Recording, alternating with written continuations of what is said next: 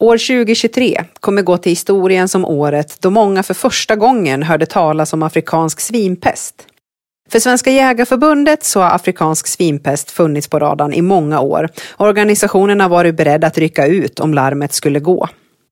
Det få känner till är att jägarna i 75 år bidragit till övervakning av sjukdomar hos vilda djur genom att skicka in vilt till Statens veterinärmedicinska anstalt, SVA, i det som kallas viltsjukdomsövervakningen. I dagens avsnitt kommer vi göra en djupdykning i ämnet viltsjukdomar och vilken betydelse jägarnas insats har för samhället och vad konsekvenserna skulle bli utan dem. Med oss i studion har jag idag Bodil Elmhagen, ansvarig för viltövervakning och forskningssamordnare på Svenska Jägarförbundet och Erik Ågren som är biträdande statsveterinär på SVA. Jag heter Malin Liljeholm och ni ska vara varmt välkomna till dagens avsnitt.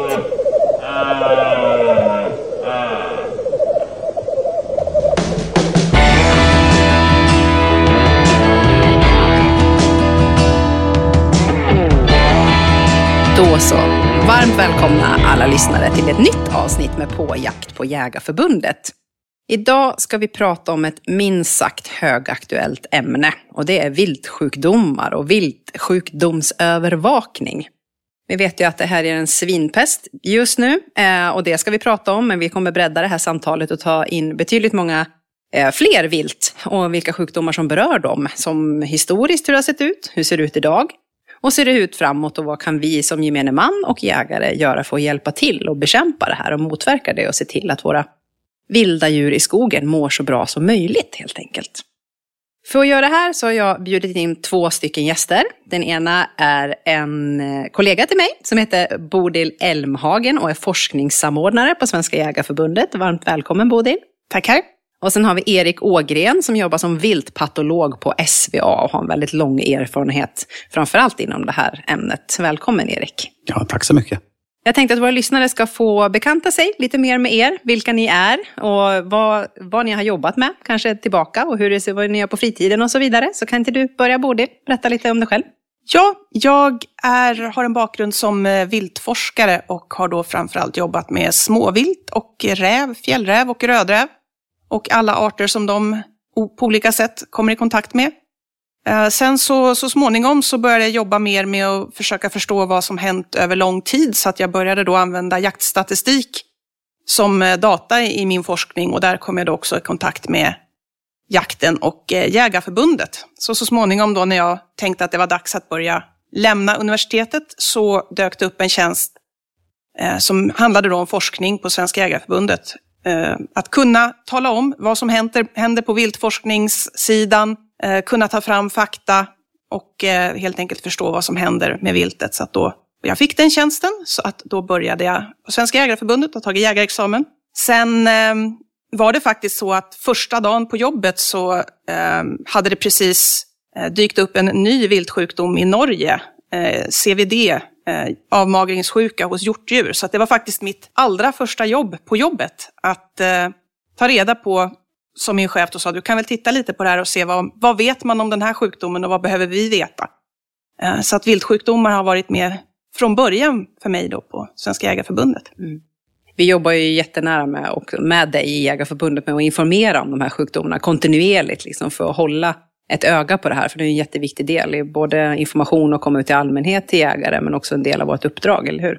Ja, precis. Vi har ju information på vår hemsida, framför allt om de viltsjukdomar som vad ska man säga, av olika skäl varit i ropet på senare tid för att det pågår viltövervakning eller att det har varit utbrott och så. Eh, och så fyller vi ju på successivt.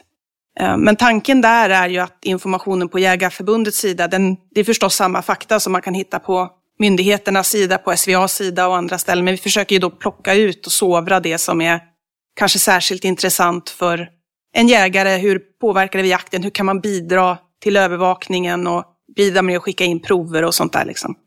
Så att det är framförallt de bitarna vi försöker lyfta då på förbundets sida suveränt. Eh, jag tänker att vi leder in det här till, till Erik på en gång eh, och SVA som vi jobbar jättemycket med tillsammans med också såklart. Berätta lite grann. Vem är du och hur länge har du jobbat med det här? Ja, jag har snart varit på SVA i 30 år. 1995 började jag som eh, viltpatolog. Jag är alltså veterinär. Och som veterinär när man är färdig så kan man specialisera sig och då valde jag patologi, alltså sjukdomslära. Och sen har jag ytterligare nischat mig kan man säga med viltsjukdomar. Så jag jobbar ju bara med sjukdomar hos vilda djur. Även om jag har grund i patologi. Så det är det jag jobbar med till vardags på SVA. Jag har ett uppdrag, kan vi säga, en instruktion för, för myndigheten SVA, som också är ett diagnostiskt labb, att eh, titta på vad har vi för viltsjukdomar, följa sjukdomsläget hos vilda djur Eh, i Sverige framför allt, men det är en omvärldsbevakning också, så att det är en blandning av, och det gör vi främst genom att få in eh, döda vilda djur och titta på vad de har dött utav och vilka sjukdomar de bär på. Så att där, eh, då kan vi fånga upp nya saker, så det är det vi tänkte prata om. Sen annars så, jag bor nära Uppsala, jag är från Stockholm från början. Har tre jakthundar, jagar så mycket jag kan när jag hinner. Och eh, två labradorer, en gammal och en ung och en en basset, en FOV, som är min drivande hund nu, som blir en bra kombination. För jag tycker om att jaga både det ena och det andra. Så att fågel och klövvilt och pyscha och där om vartannat. Så att eh, det är mitt stora intresse. Så att då kan man ju bidra till mitt eget jobb också under, under det. För man hittar roliga saker när man jagar och tar ur djur och sådär. Så att det, men jag tänker att det blir ett väldigt bra perspektiv också utifrån den här podden. För våra lyssnare är ju såklart till stor del jägare. Och då kommer ni säkert känna igen er i många av de frågor som vi har fått och de funderar över när det gäller sådana här olika viltsjukdomar och, och hur man själv kan bidra och bete sig och vilka, vilken problematik man kan hamna inför ibland. Och jag tänker att de frågorna ska vi ta upp så de får svar på det. Ja, men då har vi en hel del frågor som vi kommer beta av här under den här stunden när vi ska prata. Men jag tänker vi kan väl börja med lite historik. Det är alltid bra att förstå bakgrunden till liksom, hur har vi hamnat här idag? Vad finns det för sjukdomar? Var har de kommit ifrån? Men liksom, när började vi mäta viltsjukdomar? När började vi ha koll på de här? Att de kommer, att de finns och liksom utvärdera dem? Ja, eh, jag har ju alltid varit lite historiskt intresserad så att jag, jag har ju grävt i arkiven lite grann på SVA och letade för att eh, jag skulle börja summera vad vi har gjort med viltsjukdomar och försöka sammanställa det över tid. Så datasystemen var ju bara från 1985 ungefär, det äldsta. Och sen har vi bytt system tre gånger så att vi har ju data på tre olika gamla system som lyckligtvis har räddats då. Så man kunde sammanställa. Men sen gick jag bakåt och tittade i de handskrivna böckerna och då började det faktiskt 1948 som är första handskrivna obduktionsliggaren, som vi säger, med eh, vad man hittade på de vilda djur man obducerade. Och det var ju Karl Borg som anställdes på hösten 87, 47 eh, på SVA som viltkonsulent. Och han anställde på Jägarförbundets eh, medel. Så att, eh, och, och, när man gräver vidare bakåt så är det så att det har ju varit obduktioner av vilda djur redan på 1800-talets slut.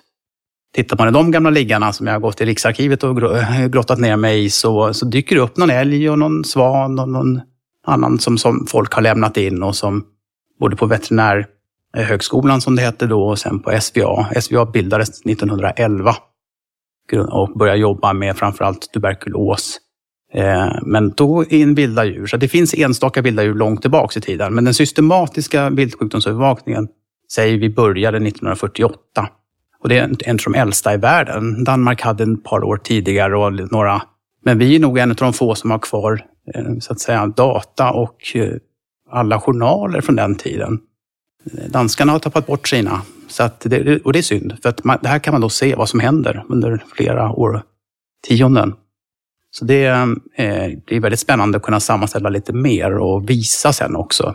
Och det är det nu när vi uppmärksammar 75 år nu som det blir i stort sett beror på hur man räknar, men vi, vi säger att det är 75 år i år som vi har hållit på med det här. Så vi uppmärksammar det, att det, vi har en lång tidsserie och ser hur mår viltet. Mm. Framförallt vilka sjukdomar har vi, vilka sjukdomar har vi inte? Det är lika viktigt att titta på det. Eh, får jag bara ställa frågan så här, vem är det som finansierar den här forskningen, den här övervakningen som sker? Vem är det som finansierar det här? Vi får numera eh, statsanslag som finansierar en del, kanske en tredjedel tredjedel av det vi gör på vilda djur på SVA. Sen är det Kammarkollegiet eh, och det är Viltvårdsfonden. Det, vill säga det är pengarna som jägarna betalar för det statliga viltjaktkortet eh, då, eh, när man ska jaga. Och det som kallas för jägartjugan nu. Och där får SVA en del av de pengarna och det har vi fått löpande då ända sedan den tiden, 1948. Så att det, och det har ökat lite mera, men samtidigt så behöver vi på SVA också söka extra eh, medel för om vi ska göra riktade projekt. Det här täcker då vår grundläggande fallviltsundersökning, det vill säga när vi screenar det som är dött och sjukt. Sjuka vilda djur som avlivas och döda djur, det är fallviltet som definition då. Kan, och det kallas för en generell övervakning, att man tar det. Och det har ju visat sig eh, i, alla länder att det är det effektivaste sättet att hitta nya sjukdomar och smittor. Det är att titta på de som hittas döda, som inte har blivit påkörda av bilar eller så.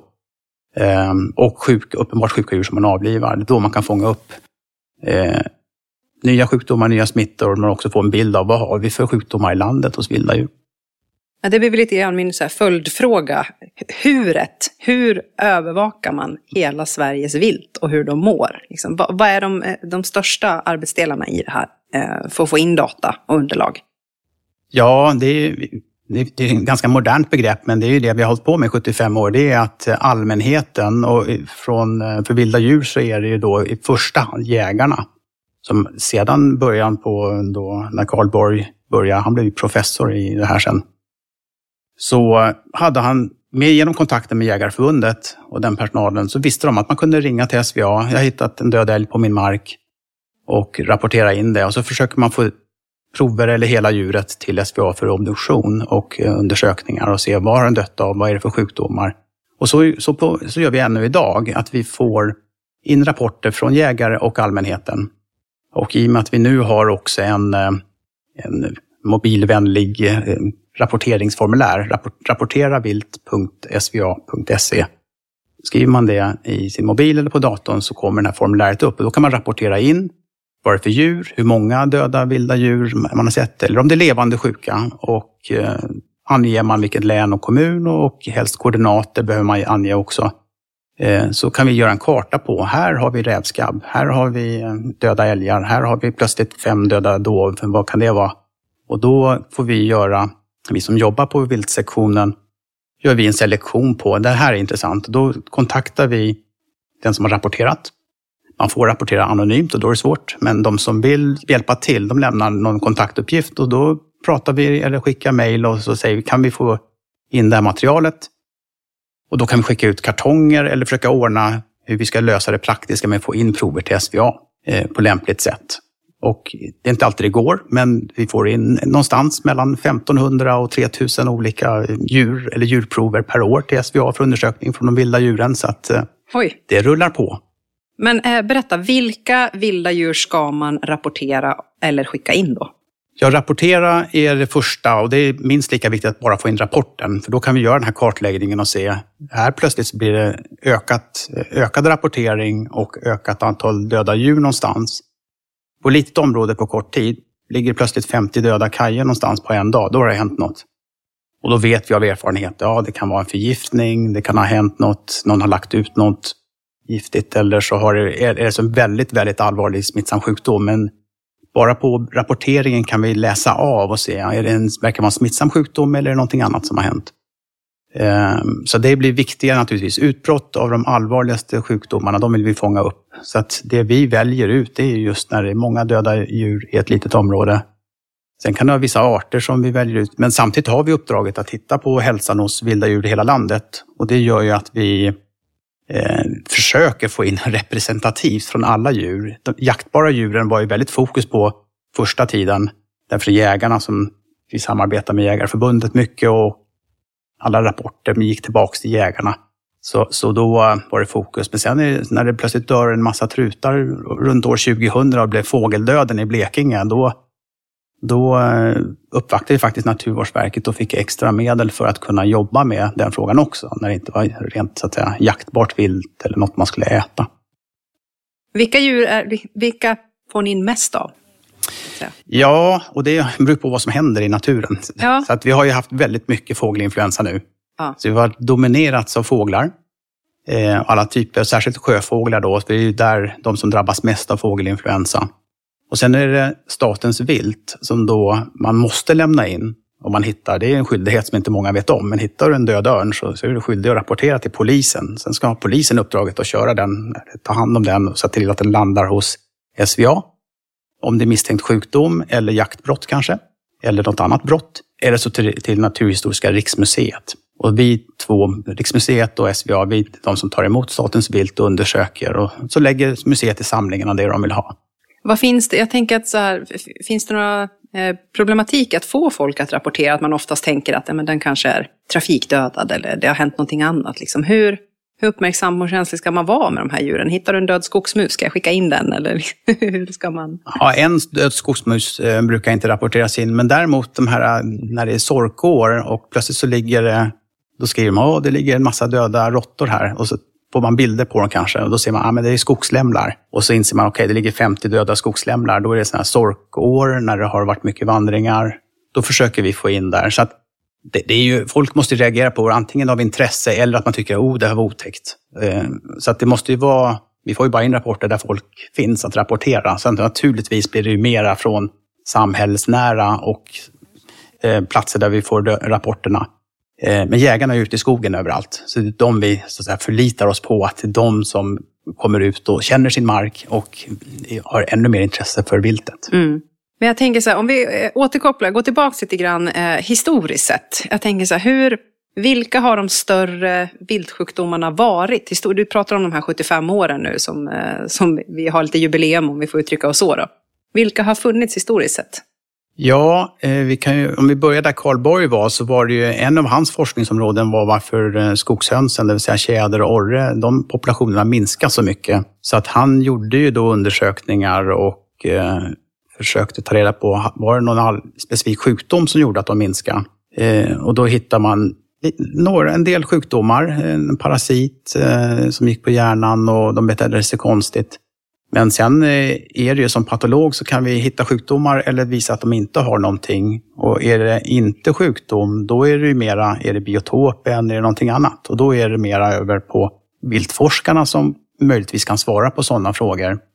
Eh, och sen har vi genom åren haft då, det blir ju en helt, väldigt lång radda, allt från räv, eh, rävskabben och CVD och nu som afrikansk svinpest som kommer som nyheter. Och sen har vi det förmodligen kvar i, i landet om man inte lyckas utrota det. Och det är svårt att utrota sjukdomar på vilda djur.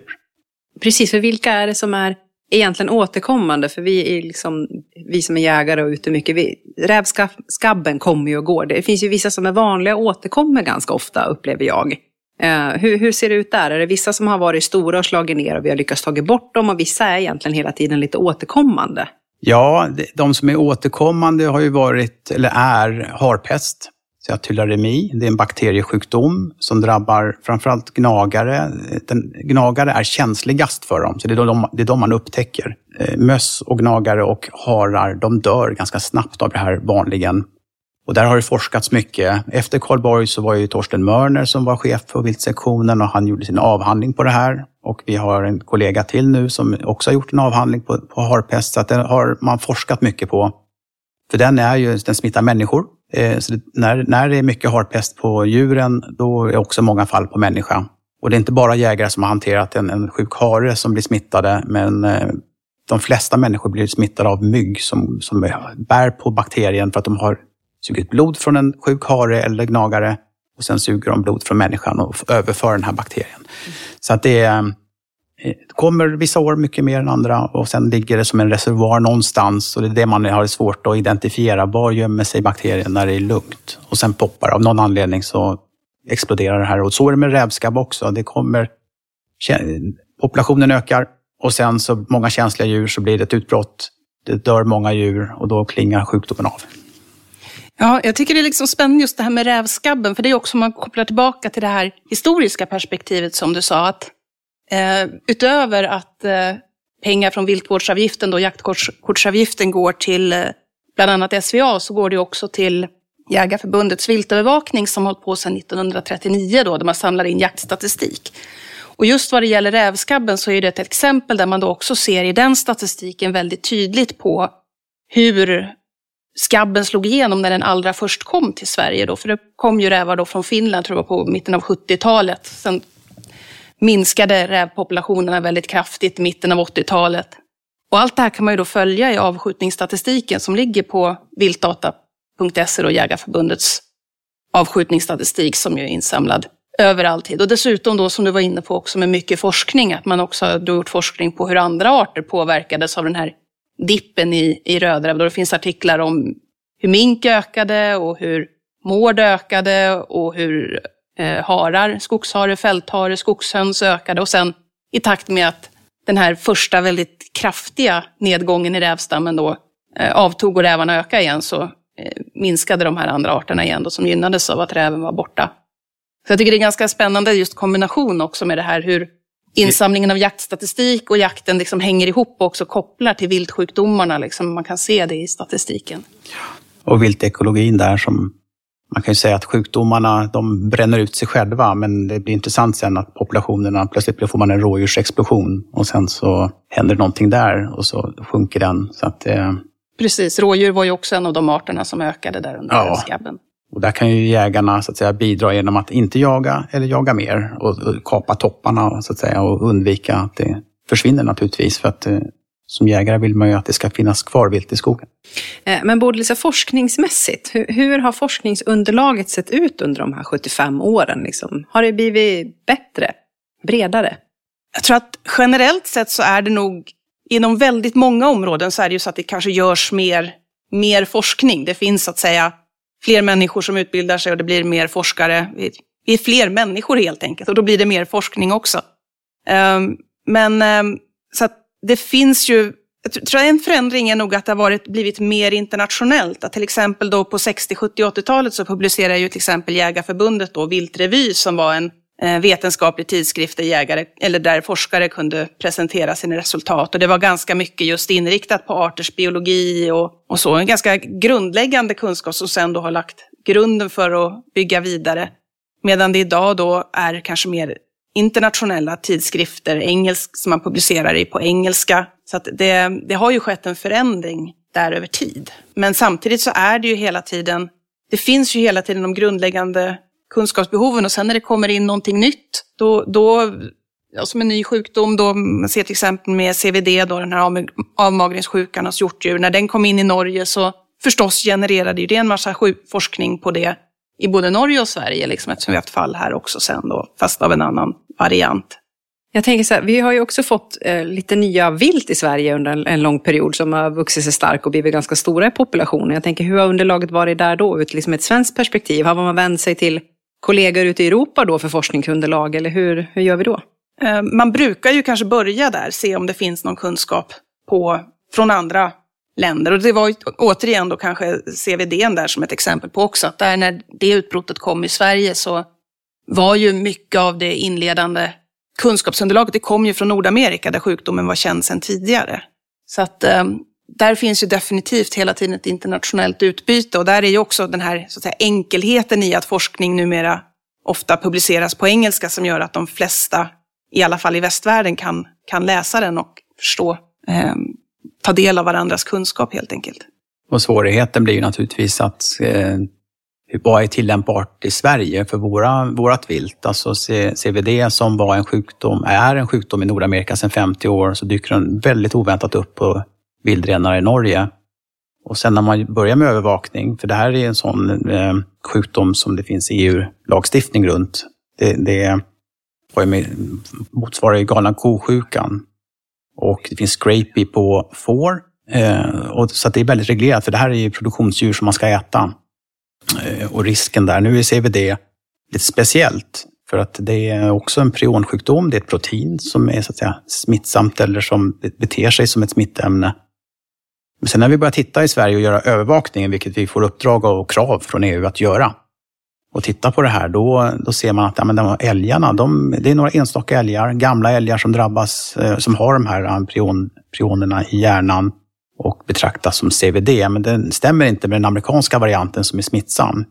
Så nu har vi mycket av vår, vår forskning och våra studier gjort för att kunna försöka visa att det inte är en smittsam variant, utan det är en mer spontan variant som dyker upp på äldre djur. Och det ska vi hålla tummarna för att det är, för då är den inte smittsam, då är, behöver vi inte oroa oss för älgpopulationen i Sverige. För i USA är det långsiktigt en, en problem för hjort, hjortdjuren där, att uh, den här smittan, man blir inte av med den. Men hade de någon analys hur vildrenarna fick det i Norge från USA? Hur hamnade det där? Vet vi det? Eh, nej, det vet vi inte. Om det har spontant uppkommit som en mutation, eh, precis som att det dök upp eh, scrapie på får, så är det så. Någonstans är det börjare. Det kan vara en spontan mutation. Man tror väl inte egentligen att det är någon som har transporterat något från Nordamerika och så har det landat där, men det, teoretiskt sett skulle det kunna ske på det sättet. För det här är ju ett väldigt härdigt eh, smittämne som eh, lever kvar i marken under många år. Och det är det som är problemet när man har tagit bort alla vildrenar från det här området som var smittat först. Så vet man inte hur många år ska vi vänta innan vi kan sätta dit renar igen. Så det är, det är en sån långsiktig forskning. Eh, och i Sverige så får vi bara hålla tummarna att vi inte får in någon smittsam variant. Sen ska vi också visa för då EU och lagstiftarna att det här är en annan variant som ingen annan har visat. Så det som forskare är ju liksom intressant att försöka påvisa något nytt, och, men då måste man föra det i bevis. Så att det är mycket av det jobbet som görs, både internationellt av svenska och norska forskare. Mm. Men där finns det väl också just, återigen, inspiration från andra arter, just det här med att spontant uppkomna prionsjukdomar finns hos andra arter. Så där har man väl också kunnat titta och så att säga förstå varför det skulle kunna vara så hos älg, eller? Ja, man har ju som tur var forskat så länge i USA så vi har ju kunnat skicka prover då eh, på våra älgar, de få som har varit positiva. Det är bara fyra stycken i Sverige. Eh, och Norge har ju gjort en otrolig insats med att titta på alltså, över 100 000 hjortdjur. Eh, har de screenat, mycket från jakt då, men och det visar ju på att det är någon enstaka älgar men att, eh, som skiljer sig mycket från renarna. Sen har vi skickat prover till USA och de har gjort en massa tester för att visa att ja, det, det skiljer sig. Det skiljer sig, älgarna skiljer sig från vildrenarna i Norge och vildrenarna i Norge skiljer sig lite grann från de amerikanska varianterna. Så att det, det, det kan hända flera så att säga, mutationer eller spontana saker på olika ställen som skulle kunna förklara det, men det är svårt att föra i bevis. Mm.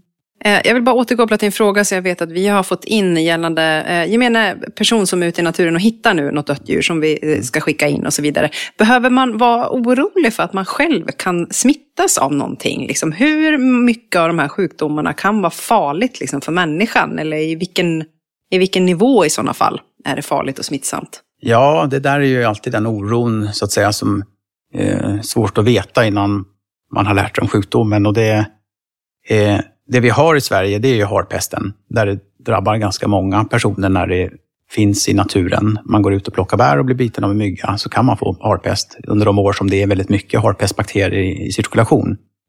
Eh, eller om man har en sjuk hare. Men vi, vi försöker ju säga då, för att det här är så att säga kallad medborgarforskning, vi ber de här som hittar, har du möjlighet att hjälpa till och lägga det här i en plastsäck och knyta åt så skickar vi en kartong och så kan du få skicka in den här döda haren. Men då är det att Ta inte med bara händer. Tvätta händerna när du har hanterat döda djur generellt och eh, var ute i, eh, så att säga, utomhus. Gå inte in och börja liksom, kladda mer inomhus. Så att det, det är viss försiktighet. Eh, för vi vet ju inte förrän vi har liksom analyserat och obducerat vilken sjukdom eller smitta det kan röra sig om på ett dött djur. Så det gäller alla djur egentligen. Men det är harpest smittar. Eh, sen har vi pratat mycket om rävens dvärgbandmask. Och det är ju mera slumpen att man skulle råka få i sig någonting. Men vår övervakning på rävens dvärgbandmask är ju att se, vi har den i landet väldigt fläckvis och den verkar inte ha spritt sig jättemycket. Så det är egentligen så här, risken är väldigt låg, men som myndighet kan vi inte heller bara säga att Åh, det är helt riskfritt. Så att en viss försiktighet. Men tvätta händerna brukar jag säga. Det är att tvätta händerna innan du snusar och äter. Det är ja, väldigt enkelt. Absolut. men jag tänker när du hittar de här djuren, de kan ju finnas i väldigt en olika stadier i förruttnelser och så vidare. Liksom vad, ibland kan man ju tänka, ja den där har ju blivit tagen av en, en, en örn och ligger och ruttnar det här sista som finns kvar. Vart, vart ska man liksom dra gränsen för det här? Att liksom, hur, I vilket skick måste det vara för att ni ska kunna dra nytta av, av det? Ja, vi, vi frågar alltid hur, hur luktar den? Och sen är det beroende på sommar eller vinter. Naturligtvis på sommaren så blir det färre djur som vi vill ta in därför att både transporten och, och nyttan av det, att undersöka det, inte så stor. Däremot afrikansk svinpest, så när vi kommer in på det så kan man ju säga att där, där kan vi ta en, ett rörben från ett skelett Och så knäcker vi det och tar ut lite benmärg. För att det här viruset är också ganska härdigt. Så att eh, undersöker man benmärgen på, på ett vildsvin som har dött i svinpest, då finns det mycket virus. Och då hittar vi det. Så att på det, i, de fallen vi ska övervaka just den sjukdomen, då går det bra med ruttna kadaver också. Och då blir det också vikt, eh, dessutom viktigt att upptäcka det, så då tar vi in det. Andra djur så vill vi ha så nydöda som möjligt. Och är det väldigt ruttet så då får vi säga, nej men då har vi pratat med någon som har rapporterat och så säger vi att nästa gång du hittar något färskt så hör av dig igen. Jättebra, tack för att du hör av dig. Vi får en prick på kartan att här ligger en, en död räv och nu hittar du en död räv till. Och vad är det som är på gång här nu då? Så... Kanske kan jag ett medskick där också till att snacka med jaktkollegorna. Att nu har jag hittat en här och vi tror inte att det är någonting. Men om du, ni också hittar någonting så hör av er så ni skickar in det. Så att vi pratar med varandra tänker jag. Precis. Men där är väl också just jägare viktiga för att de fäller ju ibland också djur där de kan se att det här djuret var magert, betedde sig konstigt. Så att man kan så säga få, um, och så kanske de kontaktar er för att de såg någonting, eller såg någonting när de tog ur djuret. Så där finns väl också just att möjligheten att få in färska djur. Hur ofta händer det? Liksom att någon hör av sig och säger det här djuret betedde sig konstigt. Och finns det speciella saker som ni hittat just med hjälp av den typen av rapporter? Ja, oh ja. det väldigt vanligt och framförallt nu under jakttiden när det fälls mycket djur, man tar ur och hittar något avvikande. Då blir det nästan som att de hoppas på en köttbesiktning. Det, det vanligaste frågan är naturligtvis, kan man äta det här? Man hittar någonting som kan, ja, det här såg lite äckligt ut eller otäckt. Och då får man, fördelen nu är att vi har mobilkameror, de kan skicka bilder, man kan filma, kan till och med göra en sån här livesändning och så här, kan du öppna upp där och visa så här. Men, men eh, jagar man på helgen så har vi tyvärr inte öppet på helgen. Men det är, en, det är liksom en utveckling av att kunna göra en, en obduktion på distans i skogen. Då kan man öppna upp och, och, ta de organ som ser konstiga ut och packa in dem och skicka in. Så får man göra en snabb bedömning. Är det en lokal process, då brukar vi säga, hittar du bara det här, det här kan du skära bort. Vi tänker precis som man gör vid en slakteribesiktning, att okej, okay, här har du någon böld eller alltså en, en, eh, som sitter på ett ben. Då skär du rent ordentligt där och så tittar man att ingenting annat ser konstigt ut. Djuret är välmusklat, det har fett, så det har inte magrat av av någon sjukdom och det har inte eh, jättestora lymfkörtlar eller jättestor mjälte som skulle tyda på en allmän infektion. Då, då är det bara att skära bort och sen kan du äta. Har du ett djur som hela kroppen är mager, den luktar väldigt illa, något konstigt, då skulle slakteriet kassera hela kroppen. Och då skulle man säga, ah, men är du så tveksam, då kan man säga så här, vill du bjuda på det här köttet? Nej, då kanske du ska kassera det. Så att och så kan man göra det här kokprovet naturligtvis om det är någonting som är skämt. Men oftast är ju det mer en hanteringsfråga än sjukdomar. Så det är svårt att göra en, en, så att säga, en köttbesiktning per telefon eller på en bild, men vi försöker uttala oss och hjälpa till så gott vi kan. För det är ju lite långt till en, en viltbesiktningsanläggning, eh, vilthanteringsanläggning eller, eller ta in en veterinär på plats och besiktiga tänker jag brukar få ganska många sådana frågor i, i, eh, ute i skogen och hos gemene jägare. Men eh, då brukar jag säga det att gå in på Jägbundets hemsida under våra utbildningar. Där har vi en viltundersökarutbildning som är fenomenal för det här. Som är väldigt tror jag, bra för, för just jägare att gå och kunna lära sig att identifiera de olika organen och vad man ska kanske titta efter och, så att man får en egen eh, kunskap där. Men såklart, någonstans behöver man ju hjälp för det är ju en erfarenhetsfråga också. Ja, men det är där som du säger är jättebra för att det är ju, och kursen är ju så pass kort också så att vi som, som patolog, så jag är intresserad av det som så att säga, du som jägare bara river ur buk och bröst och så slänger du på skogen och så tar du hem kroppen, för den är intressant för köttet. Men jag är intresserad av det där du har lagt ifrån dig. Så att om alla lär sig att ta ur ett, eh, ett djur eh, och titta på alla organen och så konstaterar man bara, så här ser det ut normalt. Och, eh, för då kan jag reagera på när det inte är normalt det här var en konstig färg, här var en stor knöl, det här ska inte vara här. Och den här, stor, den här mjälten är ju så här, den är fem gånger så stor som den brukar vara. Då ska man reagera på det. Det är liksom det det går ut på. Mm. Du behöver inte veta vad det är, men du ska reagera på att här är något avvikande. Då kan vi ta prover och skicka in och, och börja göra analyser. Det är så vi kan få hjälp av det. Eh, jag tycker just med den här viltundersökarkursen så är ju det, där handlar det ju väldigt mycket om att helt enkelt lära sig när man ska reagera det här är inte helt normalt. Och det är det man också kan träna på när man själv tar ur och man kan liksom se djur faktiskt ser ut. Då, då lär man sig också när det är någonting som inte ser ut som vanligt. Men finns det någonstans, som du säger, kursen är ju ganska kort, men finns det någonstans där man kan gå in och samla, om man, om man vill ska man säga, se olika sjukliga förändringar, hur de kan se ut och så. Finns det någon bra källa så att säga som du kan rekommendera? För det är en fråga jag har fått. Var kan jag gå in och se bilder? Finns det en bok? Finns det en hemsida? Någonting annat? Ja, det har ju skrivits ett par böcker. Karl Borg skrev en bok om viltsjukdomar, de vanligaste. Eh, och sen så har Torsten Mörner skrivit eh, två olika böcker om viltsjukdomar och det är ju egentligen de samlade erfarenheterna vi har från SVA.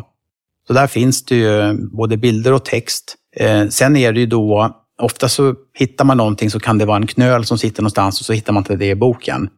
Ehm, så det, är också lite svårt, just, och det gör bedömningen svårare. Men man kan få en grund i det och bläddra och titta. Och vissa av sjukdomarna som vi får frågor om, det är ju sådana som antingen finns där och vi har försökt att lägga de vanligaste frågorna på vår webbsida på SVA också, att man kan söka där. Ehm, och sen så finns det naturligtvis, om man googlar numera så hittar man nog bilder på det mesta. Ehm, och sen finns det massa eh, den här trådar med folk som diskuterar vad man ska göra, som kanske inte är så insatta. Så att man var lite källkritisk måste man ju vara, naturligtvis. Vad är den, eh, som ni då, när folk ringer och folk har eh, googlat och hittat något de tycker var spännande. Vad, vad, är det som folk brukar hitta som kanske de reagerar på och undrar, är det en sån här? Och så är det inte det, utan någonting annat.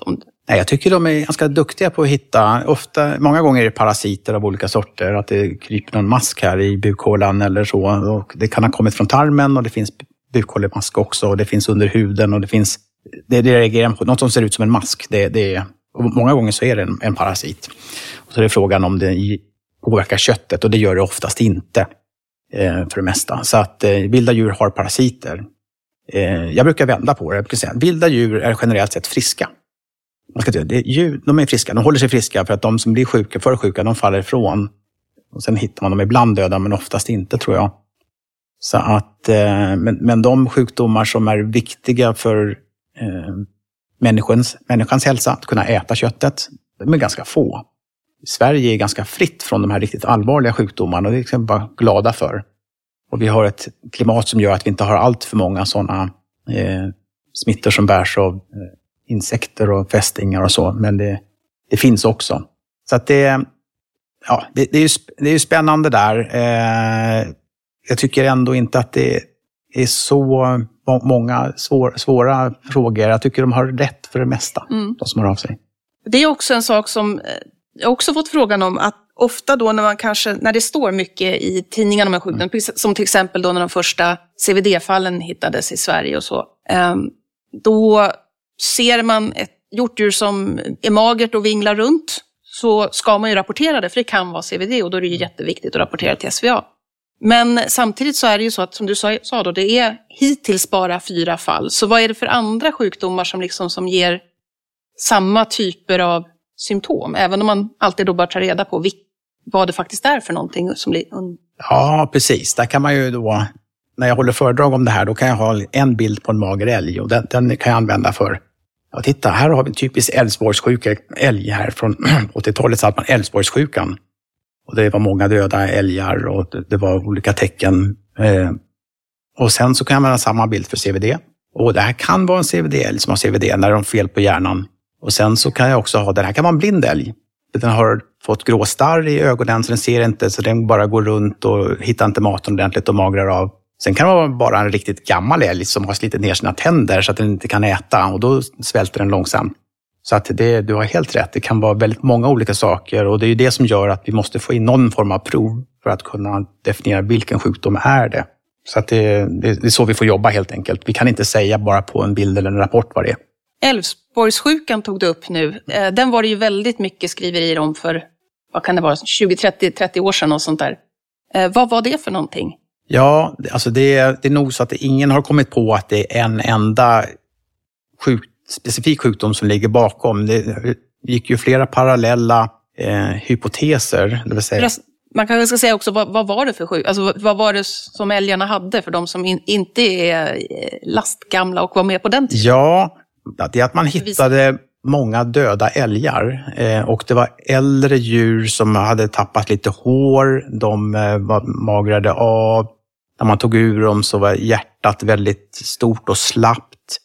Det var lite diffust, men det, oron var att det, det, det låg många döda älgar. Och så tittar man på att oj, det är nästan bara hondjur här. Men sen så när man tittar på siffrorna så ser man att det drabbade ju också handjur. Och tittar man på proportioner hondjur och handjur och det, det är det där som jaktstatistiken visar, att vi spar ju väldigt mycket hondjur. Så att man hade väldigt mycket älgar. Om det finns väldigt mycket älgar i ett område så dör ju också med tiden väldigt många älgar. Så att det var jättesvårt att säga att det var någonting som bara slog ut älgarna. Eh, men det var frågan om eh, koppar och eh, alltså mineraler i jorden. Var det någonting som var förändrat på grund av försurningen? Sen var det frågan om, var det något virus Eh, som orsakade det här, som förstörde immunförsvaret? Eller så, ja, det fanns andra eh, teorier, men det var svårt att föra någonting i bevis. Så att det har skrivits flera artiklar om det. Moose Wasting Syndrome, alltså avmagringssjuka egentligen. Och sen är det de som nu då när, när CVD, avmagringssjukan, kommer upp med prioner, då är det naturligtvis frågar man sig, fanns det CVD redan då? Och det har inte heller kunnat visas. Vi har ju gjort eh, retrospektiva, vi tittar bakåt på sparade prover. För vad vi gör på SVA, vi, när vi obducerar djur så sparar vi vävnader i en frys. Så vi har en som kallad biobank. Så att när vi dyker upp någon smitta, då kan vi gå bakåt i tiden och plocka upp prover från alla obducerade djur av samma slag och köra nya analyser på dem och kanske fånga upp och få en tid bakåt och se om vi har haft sjukdomen tidigare eller inte. Och det har man testat på de här då? Ja, vi har inte hittat det på mm. något av det gamla materialet. Ja, men eh, Bodil och Erik, vi kan inte ha en podd om eh, viltsjukdomar utan att beröra vildsvinspesten som just nu är minst sagt högaktuell.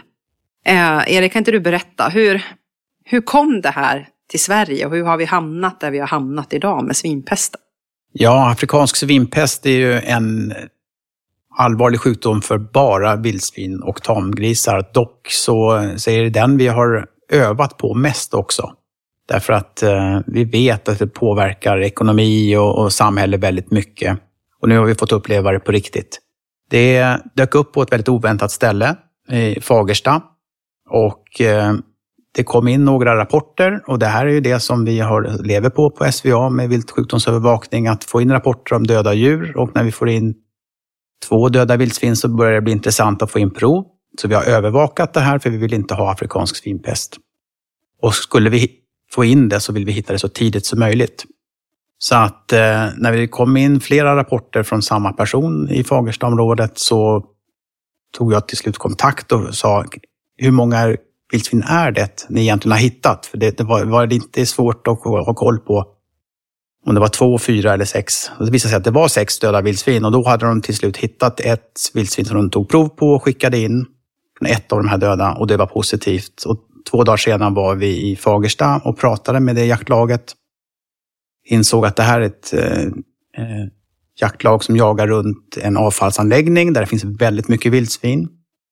Och eh, när det var positivt så började man leta om varför hamnade det här? I Fagersta av alla ställen i så att säga, norra änden av vildsvinspopulationens utbredning. Eh, vi har ju, våra scenarier har varit att det har varit vid färjelägen där det kommer lastbilschaufförer som slänger korvmackor. Eh, smittan kan ju spridas med kallrökt kött eller torkat kött och pålägg. Det är ett väldigt härligt virus. Så då har vi tänkt att det, det, smittan kommer nog där någonstans. Men så dök det upp i Fagersta. Så att vi eh, eh, tror ju att den här smittan kan ha kommit in via någon som har slängt mat i sina vanliga hushållssopor. Och de hushållssoporna hamnar då på avfallsanläggningen där det går vildsvin och bökar och så har den här eh, smittan egentligen spritt sig lokalt där. Och än så länge så ser det ut som det bara är runt väldigt lokalt i Fagersta, eh, nära soptippen där som eh, smittan finns och då har vi haft tur att upptäcka det tidigt. Och det är det vi har sagt hela tiden. Vi måste upptäcka det tidigt för att minska effekterna och kostnaderna för att bekämpa det. Så där är vi nu, att vi faktiskt har avgränsat område som håller på att stängslas in. Och med lite tur så kan vi faktiskt bli av med den här smittan väldigt snabbt. Vi, vi har ju Belgien och Tjeckien som har lyckats bli av med smittan, så vi vet att det är görligt. Och eh, ju fortare vi blir av med den, desto mindre kostnader och besvär och restriktioner Eh, blir det så att säga. Men restriktionerna är ju på plats för att vi ska hjälpa till att bli av med smittan. Så att, eh, det är ett väldigt intressant läge för oss nu att försöka se hur det går. Men vi har ju pratat lite grann eh, om vilken stor betydelse jägaren har i det här med viltsjukdomsövervakning. Och här har vi väl fått ett praktexempel på vikten av hjälpen från jägarna och det engagemang och tid de har gått in med. Också kanske en del av att det har gått hittills, peppar peppar, bra i den här bekämpningen. Att det har varit ett otroligt engagemang frivilligt från de här jägarna och att kanske den kunskapen som jägarna har också behövs för att ha förståelse vad man letar efter, hur och varför. Liksom, hur, hur ser ni på det? Ja, absolut. Och det är ju den fantastiska så att säga, insatsen från jägarna som har gjort att vi har snabbt kunnat gå av de här områdena. Och vi har ju tillsammans med Jägareförbundet, Jägareförbundet är de som har skött hela logistiken runt det här. Jordbruksverket och SVA har ju då ansvaret för myndighetssidan att eh, försöka få till bekämpningen. Och Jordbruksverket gör alla de här besluten, vad, vad som ska gälla. Men sen att eh, den personinsatsen som behövs, det har varit jägarna. De känner sin mark, de vet var de ska leta. De är vana att gå i skogen och dessutom så kan de till och med ta prover om det behövs. Så att, eh, det har varit helt avgörande för att den här snabba insatsen som vi har gjort för att kunna se. För att det första man gör det är att leta rätt hur mycket döda vildsvin finns det i området och var, var finns de? Så då måste man gå av stora ytor och det här är ett stort skogsområde runt omkring. Så det, det har varit fantastiskt, en fantastisk insats som pågår fortfarande.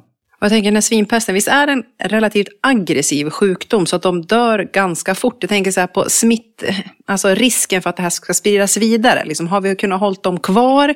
Och hur, liksom, hur snabbt är det här sjukdomsförloppet? Och du säger att det är på norra delen av spridningen för populationen på vildsvin. Liksom, det borde kanske vara till en för, lite tur i oturen vart det här har hamnat någonstans, eller? Ja, precis. Det är på ett sätt tur för att eh, förhoppningsvis så det finns inte så mycket vildsvin runt omkring där, utan det är en liten bit bort till mera odlade marker. Och eh, den här viruset gör ju att de får en feber och vill inte vandra så långt. Så när de väl får det, så de får smittan, sen så inom en vecka, tio dagar så är de döda. Så fort går det. Och när man är sjuk och dålig så lägger man sig i en vattenpöl och vill svalka sig och så dör de. Så att då hinner det inte sprida sig så långt. Så på så sätt är det tur att det är en sån allvarlig, allvarlig sjukdom, eh, att det går fort och då minskar spridningsrisken. Så att det, det enda är att vi ska inte flytta på vildsvin från området så de springer iväg eh, de här första dagarna när de får smittan. Det är så det sprids i, i, i Europa där det finns så att säga, spritt överallt. Då sprider sig naturligt. Det här är en punktsmitta, så att det här är någon som har fått med sig virus. Det måste vara mänsklig, eh, mänskliga faktorer med här. Och så är det en punktintroduktion och då har man chans att utrota den, vilket är mycket, mycket svårare i de länderna som Polen till exempel, där det finns spritt överallt. Mm. Ja, nu pratar vi vildsvin. Finns det några andra sjukdomar för vildsvin som vi också måste vara uppmärksamma på och hålla koll på nu? Eh. Ja, bara för några år sedan så upptäckte vi en, en specifik salmonella, alltså en bakter salmonella-bakterier som är väldigt eh, specifika för grisar, det vill säga tamgrisar och vildsvin. Och då hittar man det på en gård i Skåne Eh, och vi har inte haft den typen av salmonella i Sverige på 40 år. Och sen så undrar man var kom det här ifrån? Så när man började provta vildsvin runt omkring den här gården, då insåg man att det fanns vildsvin hos vild, eh, salmonella hos vildsvinen också. Och sen dess har vi en övervakning på SVA där vi tar in prover från jakt och alla fallvilt, det vill säga döda vildsvin som vi undersöker, tar vi också prov på salmonella för och se om de har. Och det är, förekommer här och var, eh, en hel del. Och den smittan är också lite besvärlig, för den smittar ju människor. Afrikansk svinpest smittar ju bara grisar och vildsvin, så den påverkar ju inte människor eller hundar eller något annat djur. Men däremot salmonella kan alla drabbas av. Mm. Så där, eh... Hur allvarlig blir den smittan om, om människor får det? Ja, den kan bli ganska jobbig, minst sagt. Man, kan, man får, salmonella är lite sådär att alla kan bli sjuka av den. En del får diarré och en del får mer allvarliga feber och, och kronisk sjukdom också av, av, salmonella. Så den ska man vara försiktig med. Och eh, det, det enda, det, eftersom de också, salmonella kan bäras av friska vildsvin. Eh, så, och den finns i tarmen och i lymfkörtlarna i tarmen, i tarm, mag-tarmkanalen. Så är det ju där plötsligt ännu viktigare med urtagning, att man är väldigt renlig, har god slakthygien så man inte kladdar med någonting från tarmen som kommer på köttet. Det är så man skulle kunna få smitta. Och det har varit ett par enstaka fall av människor i Sverige som har fått just den här salmonellan. Där måste vi ha lite ökad vaksamhet. Eh, hur har man den här vaksamheten? Jag tänker, är vi ute och jag, vad, vad, ska man leta efter? För nu skickar du in prov, trikinprover när du skjuter vildsvin. Alltså hur, hur får man grepp om det här innan alltså, kanske en människa blir sjuk och man kan eh, kolla bakåt så att säga? Hur får ni tag på de här?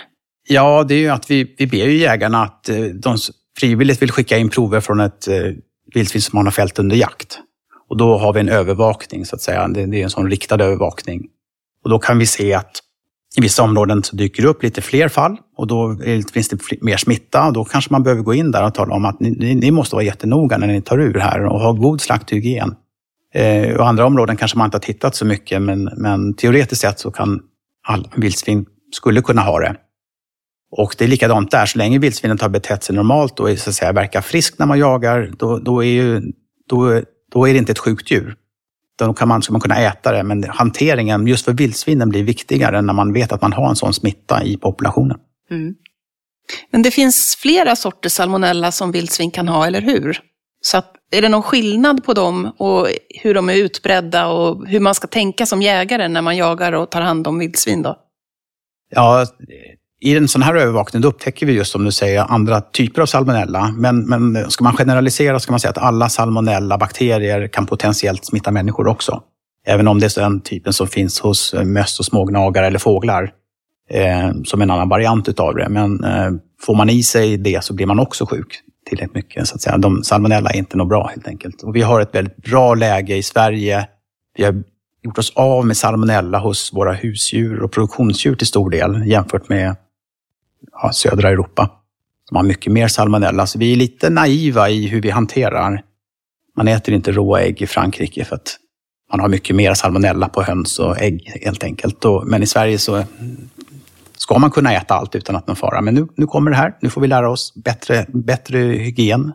Eh, en viktig del för jägaren här, tycker jag. Um, då har vi pratat lite vildsvin. Jag tänker det är många vilt vi egentligen vi vill hinna med här. Men om vi ska prioritera lite grann. Om vi går tillbaka till älgen som ändå är liksom ett väldigt populärt vilt att jaga i Sverige. Vi har fått in lite olika frågor så jag ska generalisera här lite. En del frågor vi får in är ju om man ser ett levande djur som man bedömer inte mår bra. Det kan ju vara avmagring, eh, bete sig konstigt. Liksom, vart går gränsen till att nu bör jag Eh, skjuta det här djuret för att det lider så pass att det inte mår bra? Eller ska man rapportera det här? Den här bedömningen här emellan är ju en väldig gråzon som vi får mycket frågor på. Liksom, hur resonerar ni kring den här gränsen och avslutat lidande på någon som liksom, väldigt tydligt inte mår bra till att avvakta och rapportera? Hur gör man? Ja, det är ju en gräns. Vi brukar bolla tillbaks det till så att säga, dig, dig som jägare som rapporterar. Och så att Eh, var går gränsen för eh, ett lidande? Vi ser ju då ett djur och så när vi ser det så tycker vi synd om det så vill vi avlida, avliva det. Eh, och det kan vara allt från att den går på tre ben. Men vi vet, det är många djur som, som blir av med ett ben och klarar sig jättebra, så det är egentligen inte ett skäl. Sen avmagring, att den börjar gå omkring och stappla och inte beter sig normalt, då är den förmodligen så dålig så att den kommer att dö. Då, då tycker jag, då är, det, då är det klart, då kan man avliva den för, för att förkorta lidandet.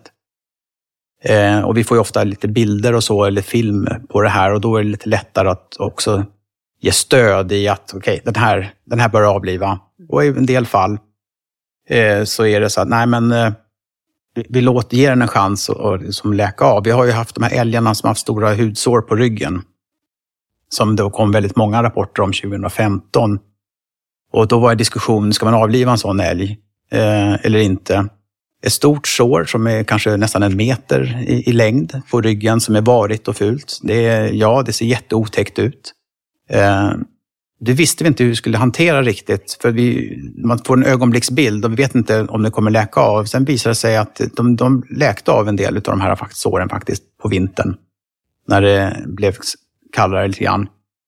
Förmodligen, för att vi eh, tror ju att det är hjortlusflugor, att det är massiv förekomst, det kliar, Eh, och eh, älgtjurarna med stora horn, de kliar sönder sin rygg och så kommer hudbakterierna och gör en jätteful varig inflammation och det ser jätteotäckt ut. Så att det grävdes ju ner en del eh, sådana älgar som fälldes under jakt och en del, del självdog. Så att, men i ett sådant fall skulle det vara uppenbart att någonstans så säga, när den här blir så, ser så påverkad ut allmänt, mm. då kan man avliva. Men jag tänker, du kom in på en av de andra frågorna här med, med det finns många eh, hjortlus och älgflugor och vi har många namn på det här eh, otyget som, som jag tycker är. Hur, när kom eh, den till Sverige? Hur stor påverkan har den på älgen? Och liksom, nu pratar vi viltsjukdomar, det där kan man säga en ytter påverkan men som gör dem sjuka i olika jag menar nu när man eh, under älgjakten som man hänger upp, det ligger ju tusentals av de här nere när man har väl hängt och man ser dem ramlar av. Hur stor påverkan har de på älgen och hur allvarligt är det? Ja, det har ju forskats på. För vi hade ju de här eh, hårlösa älgarna som var nästan nakna på en del. Och eh, det sammanföll väl ganska väl med stora svärmningar de år det var väldigt mycket hjortlusflugor, eller älgflugor, älglusflugor. Och då eh, vet vi inte riktigt varför de blir så nakna egentligen. Om det är bara att de kliar eller om eh, lusflugan biter och irriterar på något sätt.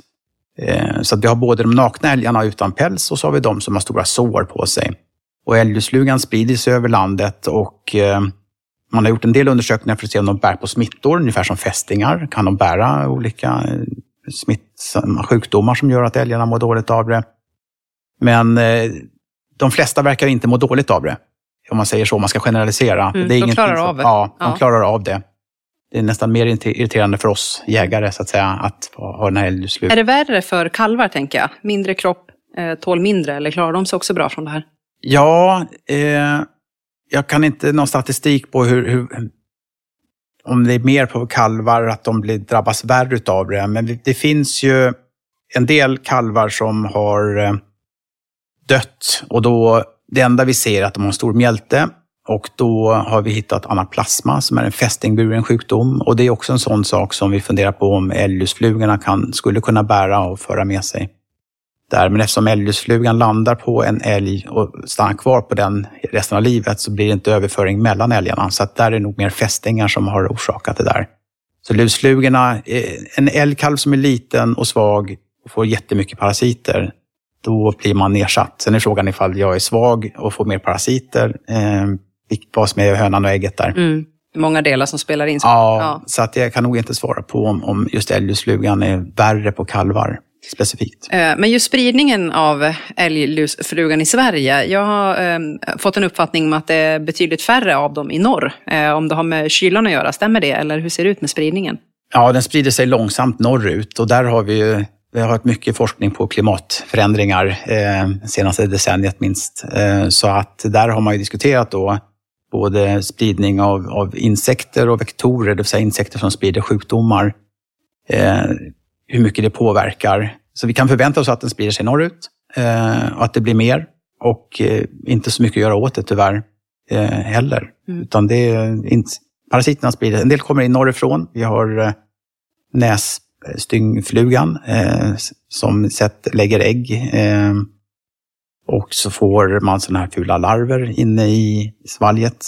Eh, stora, ser ut som eh, stora fluglarver i svalget. De har spridit sig till södra Sverige, eh, norrifrån. Så att eh, vi, har vi får in både smittor och parasiter som sprider sig över landet.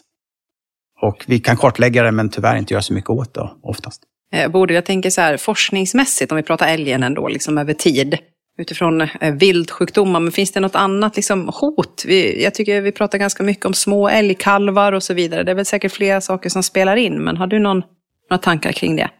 Ja, man har ju gjort rätt mycket forskning på, under de senaste åren just med avseende på klimatförändringar och eh, också en del eh, kring fodertillgång som man börjat diskutera. Och vad det gäller klimat så kan man ju se då att eh, älgens reproduktion minskar efter varma, torra försomrar och somrar, antagligen för att kvaliteten på födan blir sämre och sen så kan man dessutom se en fördröjd effekt. Så att det kan vara så att året efter så föds färre älgkalvar, just för att då är korna i sämre kondition när de går in i brunsten.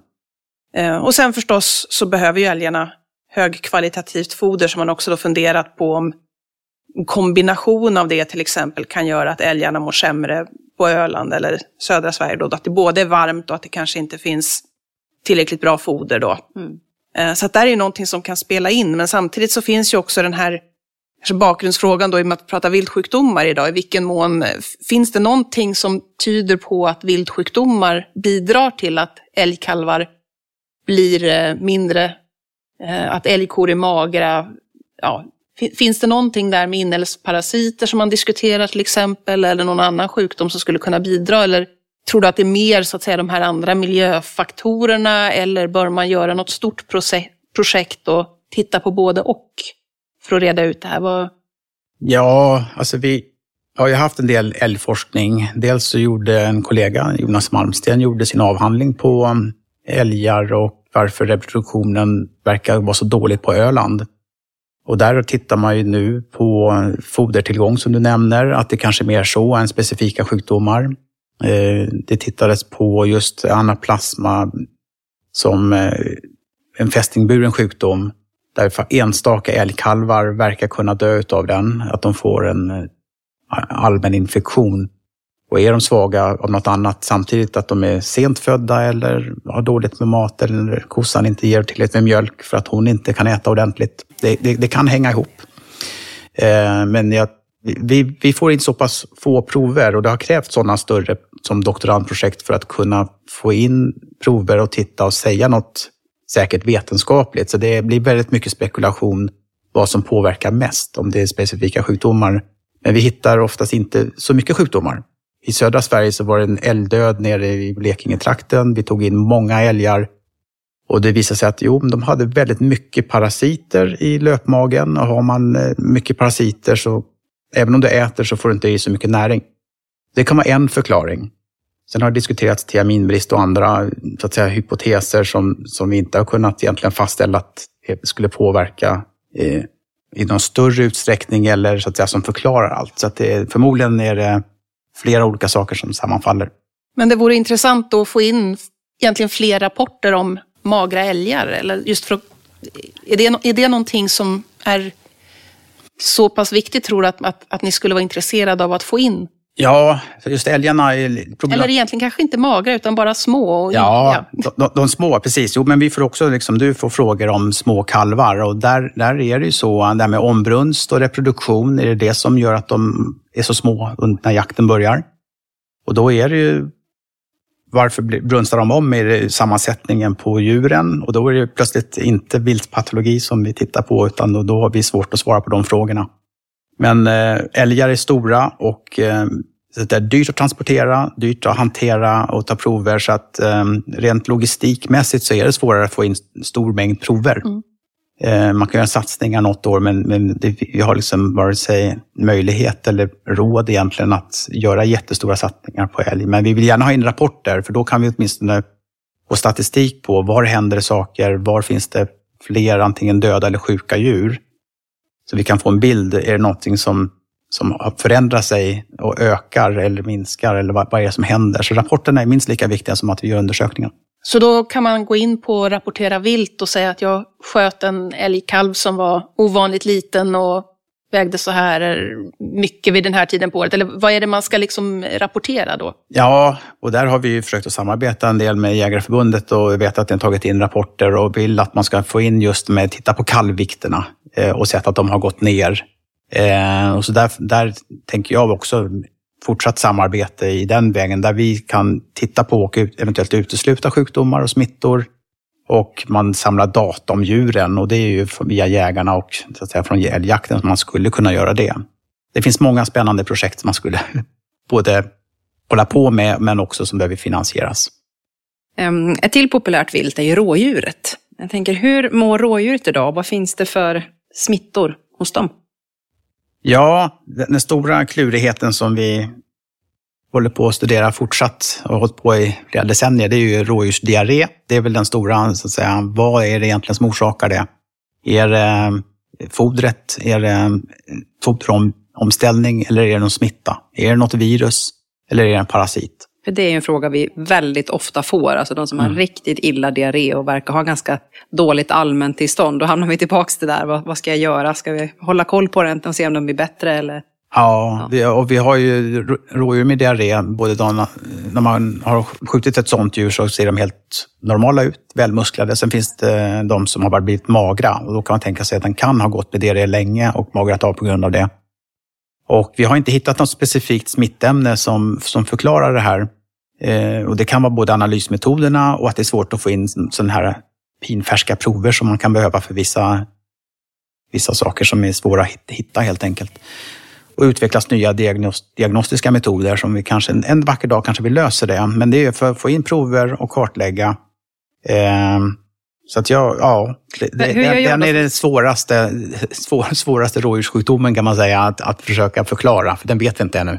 Eh, för att förenkla då, om jag skjuter ett rådjur mm. som jag ser har en kraftig diarré eller haft det länge, vad ska mm. jag som jägare göra då? Hur rapporterar jag det här? Gör jag det, återigen, vi upprepar. Ja, igen då, som, som alla konstigheter här, rapporteravilt.sva.se. Man kan skicka mejl och så också, men i och med att den här, eh, vi har det här online-formuläret så får vi då en kartläggning samtidigt och, och det går snabbare att få in alla data.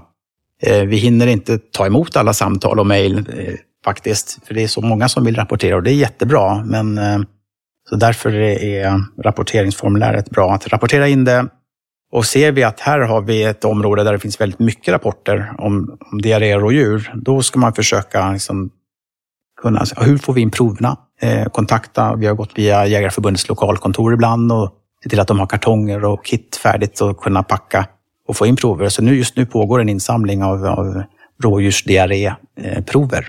Då behöver man inte ha hela rådjuret, det räcker med lite avföring från ett skjutet djur eller från en, en sån diarré hög på marken till och med. Och så, så försöker vi jobba, att göra riktade in, in, in, insatser. Mm. Sen kan man inte svara på allting tyvärr. Nej, så är det ju. Det är inte ett svar till allt så att säga. Eh, men om vi går till de andra djurtypen, om vi pratar dov, kron. Mm. Det uppfattar jag inte lika mycket diskussion kring sjukdomar och så vidare, eller är det bara en... Nej, inte mycket. Eh, kronen har ju varit, det har ju varit de här knölarna under huden som när man flår den så sitter massa lite gråaktiga, runda, 3-4 centimeter stora knölar plötsligt på slaktkroppen som många reagerar på. Där har vi också gjort, det är en parasit. Det är en liten eh, filari, heter det, alltså betyder hårstrå tunn parasit som sprids med, med eh, myggor. Eh, och det är en överföring från djur till djur då med små larver och sen så bildar de små bindvävsknutor på där. Och det, är ju, det ser lite konstigt ut, tydligt och det är väldigt lätt. Det är bara att skära bort dem. Så det är, sen går det att äta slaktkroppen. Så att det är ingen fara, syn, ingen fara med den. Så det är kronhjortarna, så de är enkla. Dovhjortarna har det ju varit så väldigt täta populationer och under vissa omständigheter, det var väldigt varm sommar, det hittades massa döda, stora fina hjortar eh, som låg döda. Och när vi fick in prover så var det eh, en pastorella-bakterie som var väldigt, den orsakar en väldigt allvarlig lunginflammation och bakterien producerar, när den aktiveras, producerar den ett gift. Så då får de en väldigt akut allvarlig feber och sjukdom och dör. Och det sprids. Flocklevande djur de smittar ju varandra. Och har de väldigt få vattenhål och samlas mycket djur så kan det bli en spridning. Så det, det, det är väldigt typiska utbrott av pastorella eller pastorellos som drabbar. Och det, det, det tråkiga är ju då att säga att vad är rådet? Ja, minska tätheten på djuren. Och då, som de flesta sjukdomar, så klingar den av sen när inte de smittar ner varandra längre. Så att eh, det är väl dovhjortarnas eh, största mm. problem. Ja, nu har vi verkligen hunnit med vitt och brett om viltsjukdomar och liksom dess påverkan av våra och våra vilt här i Sverige. Jag tänker så här, om vi ska försöka sammanfatta lite grann nu, Erik och Bodil. Våra lyssnare som sitter och lyssnar, de är ute, det är full jaktsäsong ute i hösten, de är ute i skog och mark, även eh, andra som är ute och plockar svamp och vistas med sina hundar och så vidare. Vad vill ni skicka med nu? Vad är viktigt från idag och framåt? Vad är det viktigt att vi bidrar med in till både SVA, Jägarförbundet, forskningen, alltså viltprovtagningen? Vad vill ni skicka med? Ja, det är ju att just det här med att rapportera, om vi ska tjata om det, att vi får in rapporterna till att börja med. Och då, då är det det som är avvikande. Och det märker jag när jag är ute och föreläser så att säga, personligen, att så fort man har pratat om någonting, då kommer fram, folk fram med sin mobil och visar bilder på, titta, jag hittade den här konstigheten och så här. Så att det är ju det, rapportera in dem, skicka med bilden till, i rapporten. Och eh, så fort vi har möjlighet och, och det finns, så att säga, tar vi in prover för att se vad det är för något om vi inte kan säga vad det är. Så det är så vi kan fånga upp smittorna. Så att rapportera och att vi får in mer prover och får en bra kartläggning. Och eh, målsättningen, det som är på gång nu, är att vi kunna ha publika sidor på SVAs webb med, med allting som rapporteras in så man kan få bra bilder och kartor och utspridning av olika sjukdomar där man kan välja vilken viltart man vill titta på och vad har vi hittat och och sådär. Så att det, det kommer att bidra till det. Rapportera och sen så uppskattar vi alla som hjälper till att skicka in proverna för, för analys. Det förbättrar vår del av viltsjukdomsövervakningen. Jag tänker också så om man ser framåt nu, ser du några liksom trender, några risker? Alltså, vad, alltså sjukdomsmässigt, nu kom ju vildsvinspesten till oss mm. som vi inte har haft, men det finns ju många andra länder och vi har lärt oss från dem och så vidare. Vad, ser du någonting, om du framtidsbanar, vad tror du liksom är viktigt och vad tror du kan komma? Ja, vi, vi, har ju vår omvärldsbevakning där vi tittar på vad som rapporteras i grannländerna och inom Europa. Och eh, dessutom har man en lista med de här allvarliga sjukdomarna som man vill så att säga, visa antingen att man inte har. Så att så fort vi får misstanke om en räv som beter sig konstigt, då, ja, då vill vi göra en rabiesundersökning. Har vi fått in det.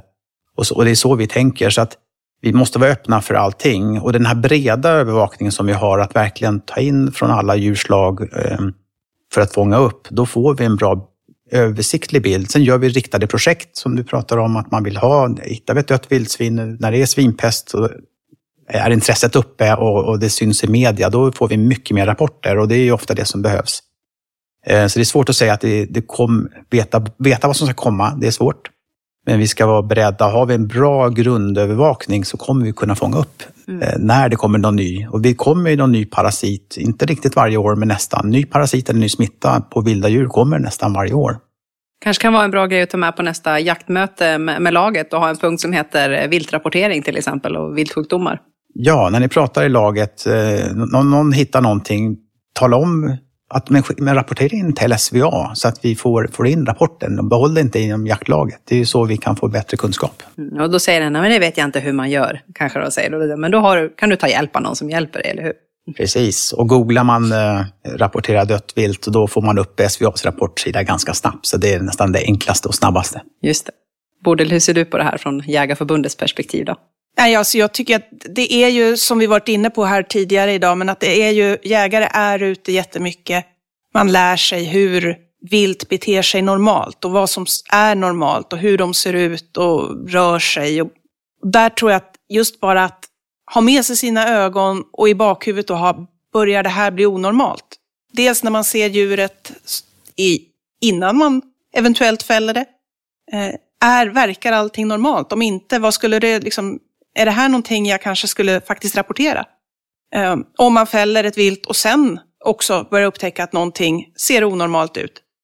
Ja, men rapportera. För det är ju, om man rapporterar, då kan man ju faktiskt också då, kan man väl säga, ha turen att SVA kanske tycker att den här rapporten är faktiskt jättespännande. Man får skicka in det och då får man ju också faktiskt en rapport tillbaka. Var det någonting som man hittade på det här djuret som faktiskt eh, var sjukligt eller något smittämne eller var det kanske bara så att det var eh, gammalt och slitet eller någonting. Så att eh, nyfikenhet och att ha ögonen öppna och liksom börja känna av vad är inte normalt så att säga. Jag tänker hellre skicka in en gång eller tio gånger för mycket, eller hur? Och så var det ja. ingenting. Men, eller så är du med och bidrar till en superviktig upptäckt och framförallt som vi pratade om med vildsvinspesten i tid. Och gör att vi kanske kan liksom begränsa smittospridningen tack vare att man har varit uppmärksam och direkt skickat in den här provtagningen, eller hur? Ja, absolut. Och det, jag fick ju äran att ringa den rapportören som hade skickat in vildsvinsprovet där och just den här andan i halsen. Det här vildsvinsprovet du skickade in, det var tyvärr positivt för svinpest. Det, det är liksom en nästan historisk händelse som man, har, som man är med om och eh, ja, det, det minns man. Det minns nog han också som tog emot samtalet och ja, all heder till dem och det arbete som görs just nu. Vi stöttar varann. Så gott det går där, verkligen. Hörni, tycker ni att vi har fått med det mesta? Vi skulle kunna sitta i tio timmar till, men som tur är så finns det ju mer information på SVAs hemsida, men också på Svenska Jägarförbundets hemsida som täcker allt egentligen som vi kanske har eh, hunnit gått förbi lite snabbt idag. Men känner er nöjda? Ja, ja. det är som sagt, man kan prata hur länge som helst om det här och det är, det är verkligen något som jag brinner för och tycker är jätteintressant och det är kul att få prata med jägare direkt också. Det märker man vilket intresse det är när man är ute och föreläser i den mån vi, vi hinner helt enkelt. Så, så gör vi ju det för att det, det, man får så mycket mer information när man pratar direkt med folk också.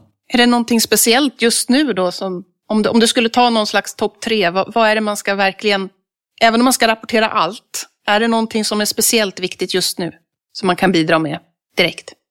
Nej, det är ju fokus på svinpesten. Eh, Och sen har vi en viss övervakning för CBD, det vill säga hjortdjur som beter sig konstigt och kanske har en hjärnsjukdom. De, de vill vi kunna fånga upp. Och sen är det eh, den här plötsligt ökad dödlighet och sjuklighet. Alltså oavsett vilket viltdjur, vilket, vilken art som helst. Att kunna fånga upp det, att rapportera in det, det, det är ju det som eh, gör att vi kan upptäcka saker i tid. Så att det, man får ta det som, som är en, en av de viktigaste sakerna. Man får ha den öppenheten och nyfikenheten att höra av sig. Hörni, jag är i alla fall jätteglad att ni tog er tid och kom hit och pratade med oss idag. Jag tror våra lyssnare verkligen har fått en, en djupare insikt i de här frågorna och framförallt kanske en ännu större vilja och kunskap i att kunna bidra i det här jätteviktiga underlaget och arbetet som görs för, för viltets bästa, helt enkelt. Tusen tack för idag. Ja, tack så mycket. Tackar. Jägarkollen. Snabbfakta om dagens ämne avfyrad på 30 sekunder. Visste du att varje år skickas drygt 3000 prover från vilda djur in till SVA? Och då är det främst jägare som skickar in de här. Och år 2012 pågick ett större utbrott av harpest i Norr och Västerbottens kustland. Under en kort period 2012 så insjuknade hela 582 personer i harpest med epidemicentrum vid Luleå och Bodenområdet. Mag och tarmbakterien Campylobacter, som är vanlig hos kyckling, kan även förekomma hos vilda fåglar. Vid en provtagning på Öland i början av 2000-talet upptäckte man att 42 procent av änderna bar just på Campylobacter. Om man upphettar köttet till minst 75 grader vid tillagning är det däremot helt ofarligt att äta köttet. Svenska Jägarförbundets utbildning till viltprovtagare är en jättebra grund för att kunna säkerställa om ett fält vilt bör undersökas vidare innan det tillagas eller äts. Gå in på jagareförbundet.se under utbildningar för att hitta mer information.